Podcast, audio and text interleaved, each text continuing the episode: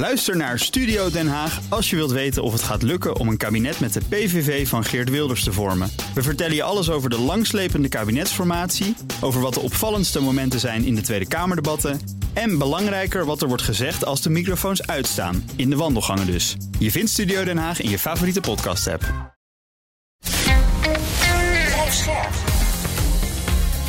BNR Nieuwsradio. Boekenstein en de Wijk. Hugo Reitsma. Dit is een extra uitzending van Boekenstein en de Wijk in verband met de oorlog in Oekraïne en de crisis met Rusland. Het is donderdag, dag 239 van de invasie. En luisteraar Wouter de Priester vraagt ons, met het oog op de midtermverkiezingen in de VS en misschien zelfs al de reguliere verkiezingen in 2024, met de mogelijke herintroductie van Trump op het wereldtoneel tot gevolg, in hoeverre zal Poetin het conflict willen rekken met de hoop dat Europa de onvoorwaardelijke support van de VS verliest? En maakt deze afhankelijkheid van de Amerikaanse verkiezingen ons niet enorm kwetsbaar? Nou, uitstekende vraag van Wouter de Priester, dat is volstrekt duidelijk. Kijk, ik zit constant te kijken naar die Amerikaanse midterms. En tot mijn grote verdriet is het zo dat Biden het niet goed doet de laatste tijd. En er is ook vandaag, heeft Kevin McCarthy, dat is dus een uh, republikein, heeft uh, uh, geantwoord op een vraag over hoe, hoe zit het met de republikeinse steun voor Oekraïne. En toen heeft hij gezegd van, nou ja, luister eens, als wij de meerderheid krijgen in het huis, dan is het echt niet automatisch dat we een blanco cheque geven voor nog meer steun aan Oekraïne. Huh? Huh? Wordt door andere republikeinen weer wat afgezwakt. Hè? Ja, maar die Kevin McCarthy is wel een belangrijke arend, Jan. Ja. Dus, uh, die komt uit uh, Californië. Die is iemand ja. uit het huis van afgevaardigden en hoort daar tot de top. Dus het is niet onbeduidend uh, wat hij zegt. Ja, en dat betekent dus, het is zeker zo dat als Biden straks verliest, of als er een republikeinse meerderheid in het huis komt, ja, dan is het niet vanzelfsprekend dat Biden zijn uh, extra militaire steun daardoor krijgt. Bedenk ook -hmm. goed, jongens, Amerika is in een recessie aan het raken. Hè? En, mensen, en dat komt allemaal op het bordje van Biden te liggen. Het zijn van die vreselijke mechanismen. En mensen zeggen dan, ze hebben toch al een, een, een soort uh, ja. oer-isolationistische impuls van ja luister, wij hebben die hartstikke beroerd, de benzineprijzen zijn hoog en we geven zo verschrikkelijk veel meer geld aan Oekraïne dan de EU dat doet. Laat de EU dat meer doen. Dat wordt ook gezegd door hen, ja. ja. En nou ja, kijk, weet je, weet je aan Jan, je kunt er tegenover zetten dat het buitenlandse beleid, het defensiebeleid, eigenlijk het voorrecht is van de president in Amerika. Die is opbevelhebber van de strijdkrachten. Mm -hmm. Dat hoor ik ook van mijn Amerikaanse collega's. En uh, een van uh, de, de collega's die ik heb, dat, is een, uh, dat was een oude adviseur van, van de vorige Republikeinse president. Die zei van, nou, als je dus gewoon kijkt wat er onder Trump is gebeurd, dan ging dat feitelijk ook door. Die, die werd op een aantal punten ook overroeld. Dat zal nu waarschijnlijk ook gebeuren. Maar uh, uh, links en rechts in Amerika zijn het er wel over eens dat die 60 miljard die is toegezegd aan Oekraïne, totaal, dat dat ook wel het laatste pakket is. Dus uh, mm-hmm. voordat de midterms gehouden zijn, is het al duidelijk dat er niet nog zo'n pakket komt. En wat we nu zien, is dat uit dat pakket worden iedere keer bedragen gehaald waarvan, waarmee steun wordt verleend. Dus het is ook niet zo uh, dat dan in één klap geen steun meer verleend uh, kan worden, want dat pakket is al aangenomen door, ja. door het Huis en door de Senaat. Dus daar zit het probleem niet in. Nee, het probleem zit er veel meer erin. als er nieuwe pakketten nodig zijn, bovenop die 60 miljard, of dat zal, kan, zou kunnen worden ja. gedaan. Maar in, in mei hebben, de, hebben de, ook de Republikeinen, die hebben gewoon uh, feitelijk dat 40 miljard uh, kost de laatste steunpakket gewoon ja, geaccepteerd. Ja, ja. oké. Okay, dus de steun aan Oekraïne komt niet onmiddellijk in gevaar door republikeinse nee. winst bij de midterms, maar nee. is wel eindig. Dan het die tweede deel van die vraag gaat natuurlijk over de kwetsbaarheid van Europa. Want wij uh, hebben de Amerikanen heel hard nodig, zo blijkt ook dit keer weer. Hè? Ja, dat is ook en, zo. En het is ook heel erg, hè? want laten we nou wel zijn, we hebben dus veel minder steun gegeven. Terwijl we ja. eigenlijk rijker zijn met z'n allen dan de Amerikanen en dat ook meer mensen hier wonen.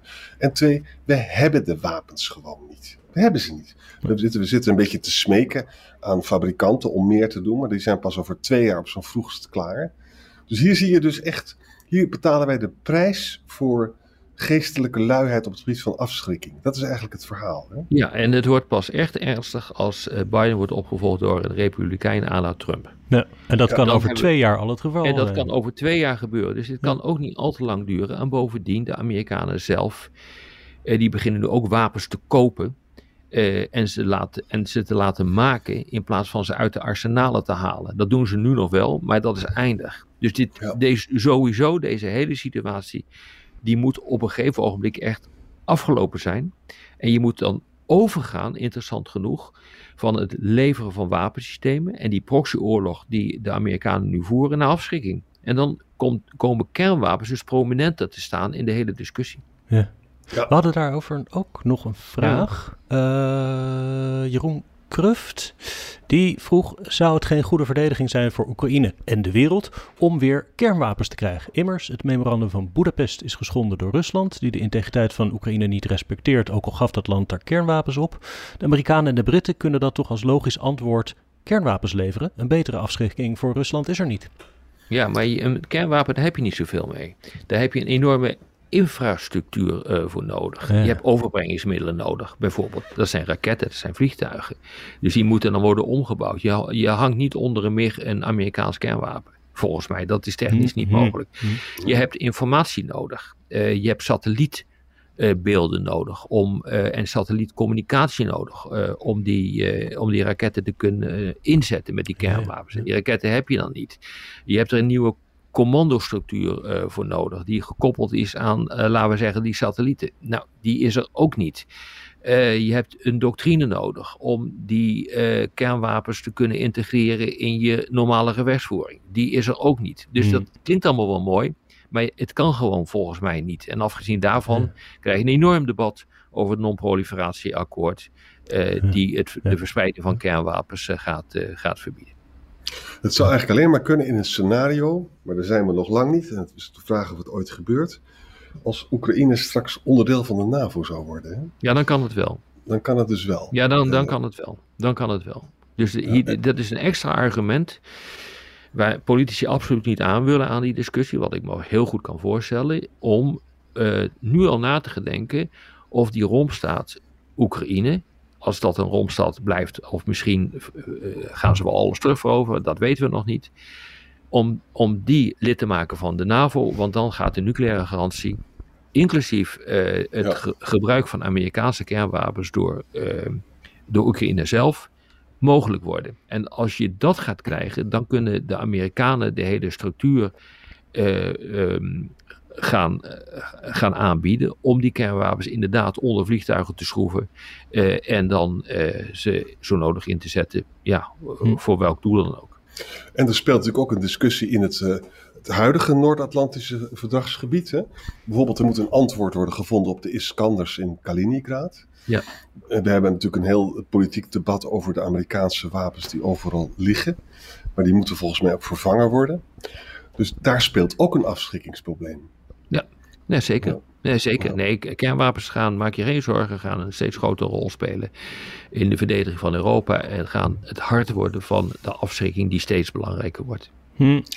en misschien ook buiten Europa, want ik kan me voorstellen dat elk land nu een beetje zich achter de oren krabt en denkt: ik ben alleen veilig als ik kernwapens heb.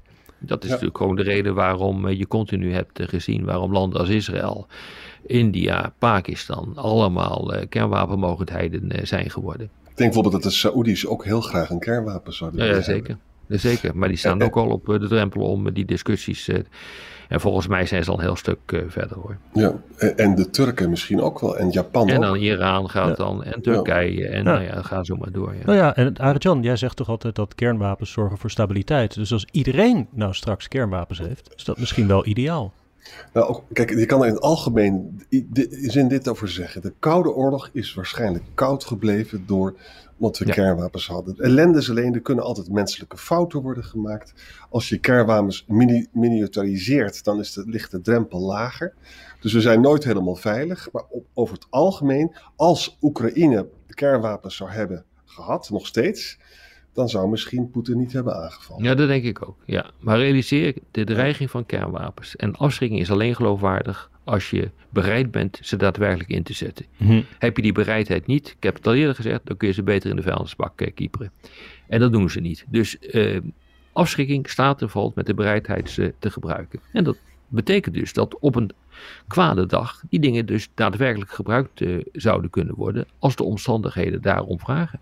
Ja. Dat is dan weer minder.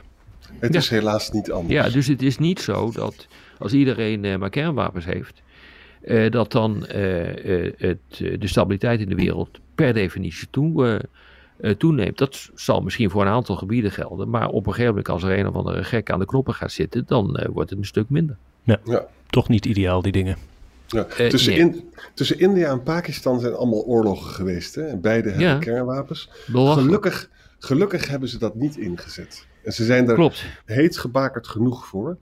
Dus dat zou je als argument kunnen gebruiken dat het toch mensen ervan weerhoudt om de knop in te drukken. Ja. Maar, ja, maar als mensen gek worden, zoals uh, Poetin misschien zou kunnen worden, dan word je daar toch een beetje onzeker van. Maar het, het meest verontrustende is dat inderdaad kernwapenmogendheden op dit ogenblik met elkaar op de vuist gaan. Terwijl dat nou juist niet de bedoeling was van het hele afschrikkingsdenken. Dan zou je dus juist niet dat risico willen lopen dat het escaleert naar nucleair. Dus uh, hou je een beetje in. Maar India en Pakistan, precies wat je zegt, Arend Jan, die zijn met elkaar op de vuist gegaan. Amerika en China, uh, die hebben continu de disputen over, uh, over Taiwan.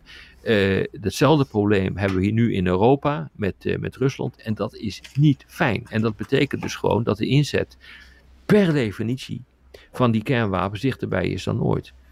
Ja, dus het punt wat Rob ook al in het, in het begin van de podcast maakte. Hij zei van vroeger was het zo, je had kernwapens en je dreigt er niet mee. Ze waren er gewoon hè?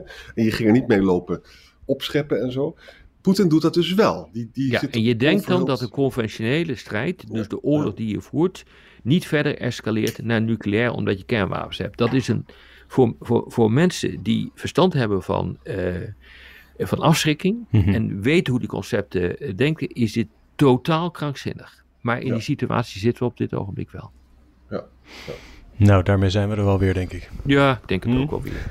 Ja. ja, zal, ik, zal de mens, ik zal de mensen hun dag niet verder verpesten. Doe dat maar. Jongens, tot morgen. Tot morgen. Tot morgen. Ook Diana Matroos vind je in de BNR-app. Ja, inderdaad. Je kunt live naar mij luisteren tijdens de Big Five. Ook handig in de BNR-app. Breaking nieuwsmeldingen, maar ook het allerlaatste zakelijke nieuws. En je vindt in de app alle BNR-podcasts, waaronder Wetenschap Vandaag. Download nu de gratis BNR-app en blijf scherp.